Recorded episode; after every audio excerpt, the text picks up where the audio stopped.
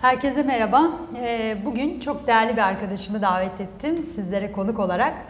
Ee, Kendisi bilgisiyle, naifliğiyle, nezaketiyle, iletişimiyle ve her şeyden önemlisi sosyal sorumluluk projelerindeki gönüldaşlığıyla hem bana hem de çevresindeki pek çok kişiye örnek bir arkadaşım Çiğdem Kayalı. Çiğdem hoş geldin. Merhaba İknur'cum, hoş bulduk. Nasılsın? İyiyim, teşekkür ederim. Sen nasılsın? Çok teşekkür ederim. Ee, öncelikle gerçekten hem e, onurlandırdın e, beni de bu davetimi kabul ederek. Seni tanımak isteriz. Harika bir CV'm var ama senden seslendirmeni isteriz ki genç arkadaşlarımıza da e, güzel bir örnek olsun. Çok teşekkür ederim. Öyle güzel anlattın ki hani nasıl anlatayım e, kendimi bilemedim.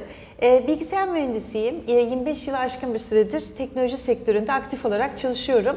E, Bu dönemin uzun bölümü 23 yılı Microsoft'a geçti. Satış, pazarlama, e, teknoloji alanlarında farklı e, liderlik pozisyonlarında görev aldım.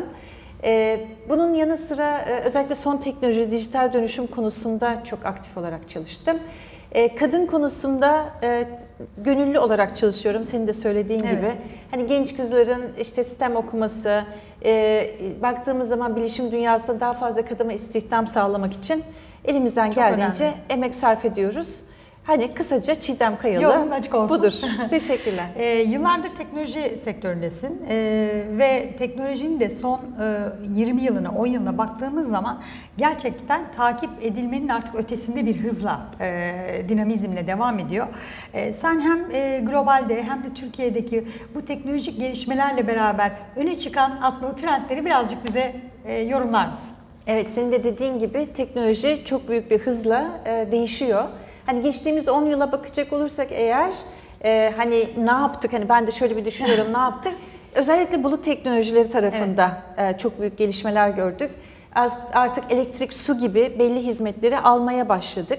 Bu da ne yaptı? Büyük firmalarla küçük firmaları aslında aynı potaya koydu. Doğru. Hani e-ticaret sitesi mi açacaksın? Hemen açabiliyorsun. Bir veri tabanına mı ihtiyacın var? Doğru. Hemen kullanabiliyorsun.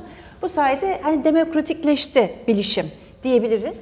Ee, bunun yanı sıra tabii bulut hizmetleri hayatımıza girince bu sefer büyük veri e, devamında geldi. Çünkü artık veriyi depolayabileceğimiz daha uygun e, altyapılara kavuştuk. E bu sefer çok veri olunca biz bunu nasıl kullanacağız diye kafa yorduk. Oradan anlamlı e, bir hale getirdik ve yapay zeka ortaya çıktı. Evet. Ve aslında hepsi gördüğü gibi bunlar birbirlerini tetiklediler. Kesinlikle.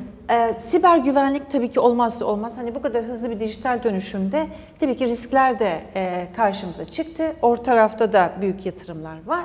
Ama 10 yıla baktık ama şu önümüzdeki birkaç yılı tahmin et dersen orada çok daha büyük bir e, hızla Evet. değişim var. İşte 5G, 5G e, hayatımıza girecek. 5G ile beraber işte akıllı evler, akıllı arabalar. Doğru. e, daha Hatta minik minik başladı bile Başladı aslında. bile. Evet ilk örneklerin telefonları görmeye de başladık. Hani bununla beraber çok hızlı bir değişim dönüşüm süreci içerisindeyiz. Ve, e, aslında ciddi de bir data tüketimi e, bizleri bekliyor. Yani son 3 yılda e, örnek olarak e, bakacak olursak data tüketimi sadece Türkiye'de bile e, mobilde ve aynı zamanda şeyde sabitte iki katına çıkmış durumda. Şimdi bu teknolojilerden bahsederken e, özellikle çok e, hot topic diyeceğimiz aslında trend olan e, konulardan bir tanesi yapay zeka. Niye yapay zeka? Çünkü e, bir şeylerin öğrenilerek tekrar edilmesi ve robotlaşma fikri aslında insanları korkutuyor. E, Elon Musk gibi, Bill Gates gibi e, teknoloji liderleri de yapay zeka konusunda özellikle regülatif bir takım önlemler alınmazsa e, dünya açısından da büyük bir tehlike olacağı söyleniyor. Şimdi sen de merkezde yani bu işlerin merkezinde olan bir şirkettesin. E, bu işin hani avantajları ve dezavantajlarını sen nasıl görüyorsun? Evet. Şimdi yapay zeka ile ne yapılmaya çalışılıyor? Oradan başlayacak olursak eğer aslında insan gibi işte düşünen, e, e, değerlendiren, verileri değerlendiren, ön yargılarda bulunan işte bilişim sistemleri Evet. geliştirmeye çalışıyor. Her teknolojide olduğu gibi sen bunu faydalı amaçlı için kullanırsan e, başka türlü olur. Hani kafayı başka yere yorarsan başka türlü olur. O yüzden hani baktığımız zaman hani yapay zeka aslında hem kurumlara hem bireylere çok büyük avantajlar sağlıyor. Hani birkaç örnek vermek gerekirse Evet, mesela işte elektronik ticaret siten var. işte satış yapıyorsun. E şimdi bu sitede e, biz ne kadar müşterilerimizi iyi tanırsak, onların trendlerini anlarsak, işte geçmiş alışverişlerinden yola çıkarak Kesinlikle. onlara daha doğru hizmet, e, müşteri memnuniyetini artırabiliriz, satışımızı artırabiliriz.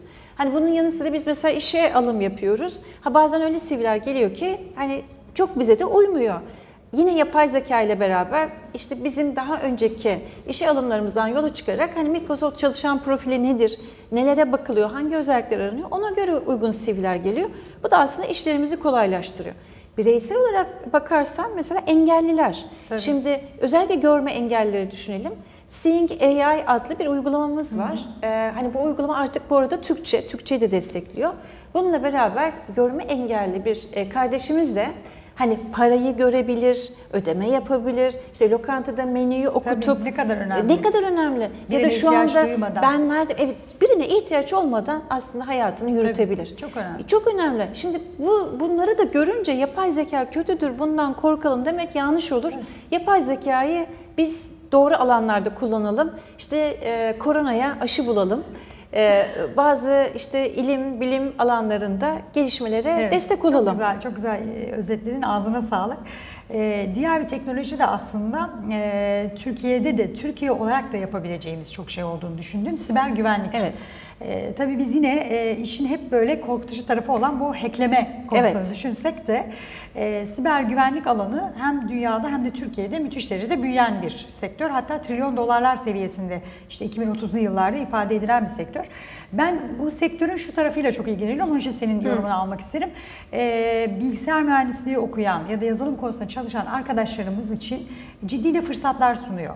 Ee, sen Microsoft'ta çalışan bir yönetici olarak, teknik ekibin başındaki bir yönetici olarak sen nasıl e, bu konuyu değerlendiriyorsun? Evet. Şimdi baktığımız zaman hani dedik ki dijital dönüşüm, teknoloji çok hızlı ilerliyor. Firmalar buna adapte oluyor. He- Hele ki bu pandemi süresinde çok hızlı bir e, geçiş oldu. Herkes evlerden çalışmaya başladı. E belki evdeki bilgisayarını kullandı. Tabii. Belki işte son e, yazılım yok üstünde, güvenlik açıkları var yani ve riskler büyüdü. Şimdi oradan da yola çıkarak hani Microsoft gibi teknoloji firmaları bu alana çok büyük yatırım yapıyor.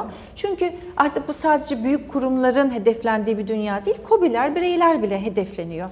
İşte kripto paralar isteniyor, fidyeler konuşuluyor.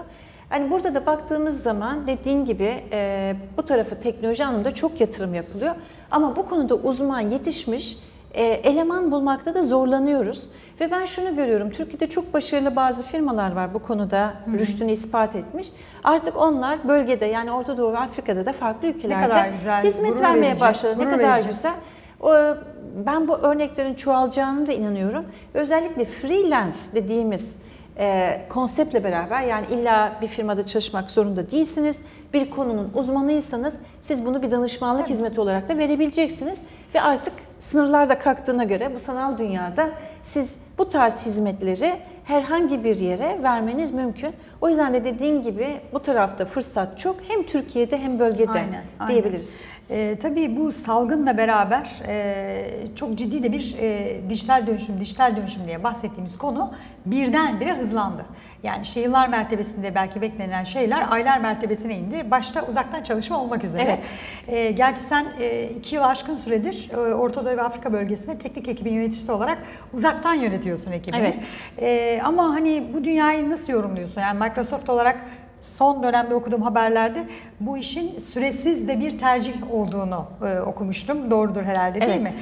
Ee, yani yine ekibi motive etmek, ondan sonra satıcı olarak belki bir satış kanalı olarak e, müşteri sadakat e, programlarıyla ilgili ne gibi zorluklar ya da kolaylıklar olacak sence bu online çalışmayla? Şimdi baktığımız zaman aslında iki yıllık dijital dönüşüm iki ay içerisinde gerçekleşti. Bu müthiş bir hız. Evet.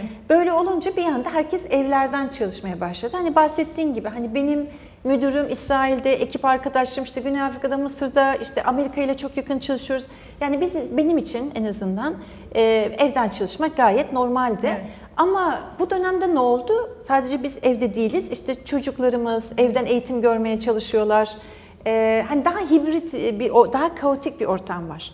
Şimdi bununla beraber hani tabii ki bunu ilk defa deneyimleyen arkadaşlarımız da var. Hani ben şunları öneriyorum kendi deneyimlerimden yola çıkarak. Hani bir hayır demeyi öğrenelim. Çünkü ne oldu? Bir anda herkes sanal dünyaya geçince bir e, toplantı e, sayıları artmaya başladı. İşte önce bir saat toplantılar yapıyorduk. Sonra dedik ki ya yarım saat toplantı da çok efektifmiş. Bu sefer bir saatte iki toplantı yapar hale geldik. Zaten trafikte vakit harcamıyoruz. O zaman Aynen. bir günde 10 toplantı yapar hale Evet. geldi.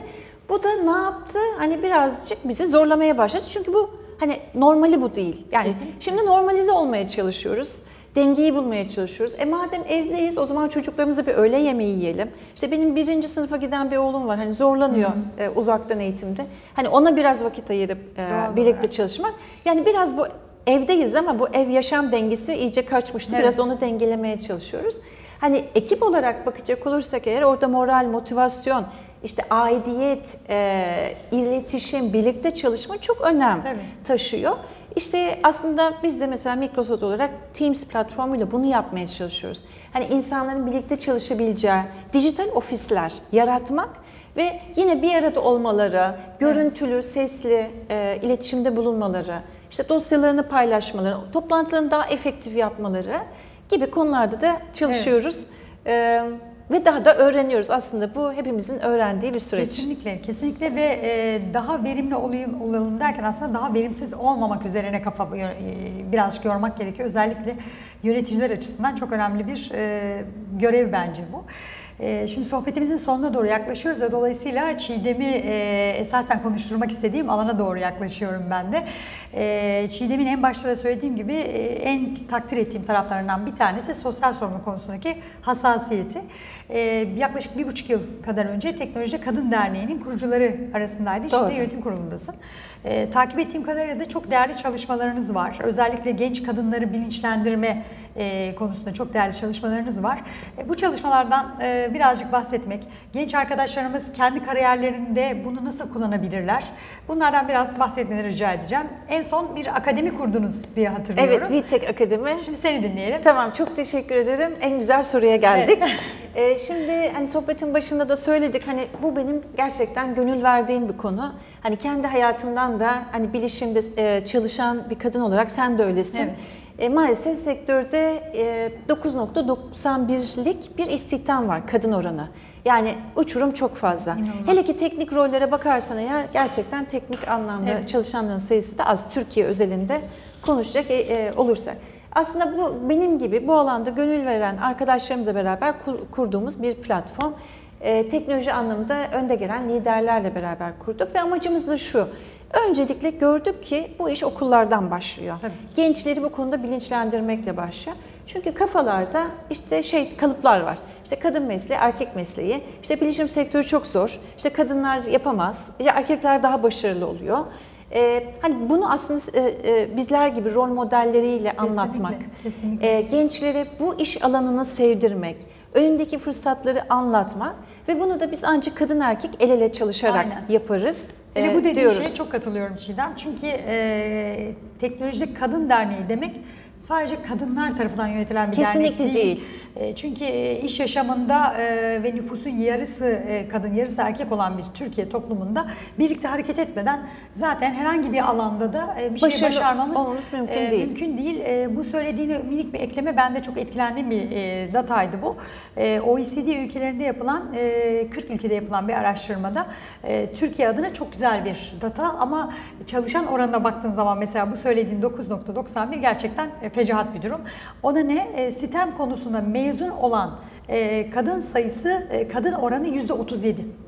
Ama sistem konusunda çalışan kadın oranı %9.91. Evet, Ne evet. kadar iyileştirilmesi gereken Evet. e, bir alan var. E, Ben bunu aynı zamanda mevcut şu andaki genç arkadaşlarımız için de çok ciddi bir fırsat olarak görüyorum. E, Son olarak da e, işte nesnenin interneti dedik, yapay zeka dedik, siber güvenlik dedik. E, Daha da bu konular daha da artacak önümüzdeki dönemde. E, Senin genç arkadaşlarımıza e, tavsiyelerin nedir? Yıllardır teknolojide kendini var etmeye çalışan harika bir e, profesyonel olarak. Teşekkür ederim. Şimdi aslında Darwin'in bir sözüyle ben bitirmek istiyorum. Hani Darwin dedi ki e, en güçlüler mi hayatta kalıyor? Hayır. Adapte olabilenler hayatta kalıyor. Hani bugün de öyle bir dönemden geçiyoruz. Hani bu pandemiyle beraber roller değişiyor, işler değişiyor, beklentiler değişiyor ve biz de e, buna kafa yorup başarılı olabiliriz. Ben özellikle genç arkadaşlarda bazılarında bir motivasyon düşüklüğü görüyorum. Hani o yüzden bunu belirtmek istedim. Hani önemli olan pozitif bakabilmek. Önemli olan an- e, merakla e, incelemek, öğrenmek, kendinize bir yol geliştirmek. Hani bugün de biz aslında çok güzel ipuçları verdik. Hani üç tanesini bir ön plana çıkar, çıkaracak olursak ben bulut bilişim diyorum. Burada çok büyük fırsatların olduğuna inanıyorum. Siber güvenlik yine bu alanda e, çok fazla aslında istihdam açığı var fakat biz yetkin arkadaşlar bulamıyoruz. Ve üçüncüsü de yapay zeka diyorum. Bu yapay zekayı da çok hızlı farklı kullanım alanlarını görüyor olacağız. Hani ne yapabilir arkadaşlar? Mesela e, Teknolojide Kadın Derneği dedik. Bizim V, e, VTech Akademi adını verdiğimiz e, bir çatımız var. Ve burada e, arkadaşlarımız bizim açtığımız eğitimlere, ücretsiz eğitimlere katılabilirler. Bunları da VTech platform web sitesinden ve bizim sosyal medya hesaplarından takip edip öğrenebilirler. Aynı zamanda Microsoft'un pek çok ücretsiz eğitimi var. Pek çok üniversite Harvard gibi Tabii. eğitimlerini açmış durumda. Aslında kaynak aradığınız zaman çok Aynen. e, e, diyebiliriz. Hani belki rotayı belirlemek. Hani neyi seviyorlar? Ne yapmakta mutlu Orada da olurlar? biraz mentörlük konusu önemli. Ee, sizin derneğinizde de mesela bu tip çalışmalar var. Yani Evet. e, benim yine görmüş olduğum araştırmalarda e, hep şey var. Bizim rol modele ihtiyacımız var diyorlar genç arkadaşlar. İşte senin gibi, e, senin bulunduğun e, o e, ekosistemdeki gibi e, çok güzel mentörlerle de aslında arkadaşlar danışabilirler, çalışabilirler. Bence bu noktayı da araştırmakta fayda var Evet. diye düşünüyorum. Bilmiyorum sen ne Kesinlikle dersin? katılıyorum. Hem dernek olarak bize gelebilirler. LinkedIn çok güzel bir platform. Burada aslında bizim gibi pek çok profesyonele ulaşabilirsiniz. Onlardan Evet. destek isteyebilirsiniz. Mentorluk talebinde Çoğu bulunabilirsiniz. gönüllülüğü de e, severek yapıyorlar Severek aslında. yapıyorlar. Evet. Çok teşekkür ederim Çiğdem. Yani inşallah arkadaşlarımıza da e, güzel bir feyiz olmuştur. Ayağına sağlık, ağzına sağlık. Beni yalnız bırakmadığın için tekrar teşekkür ediyorum. Ee, Ben çok teşekkür ederim. Herkese yolculuğunda başarılar diliyorum.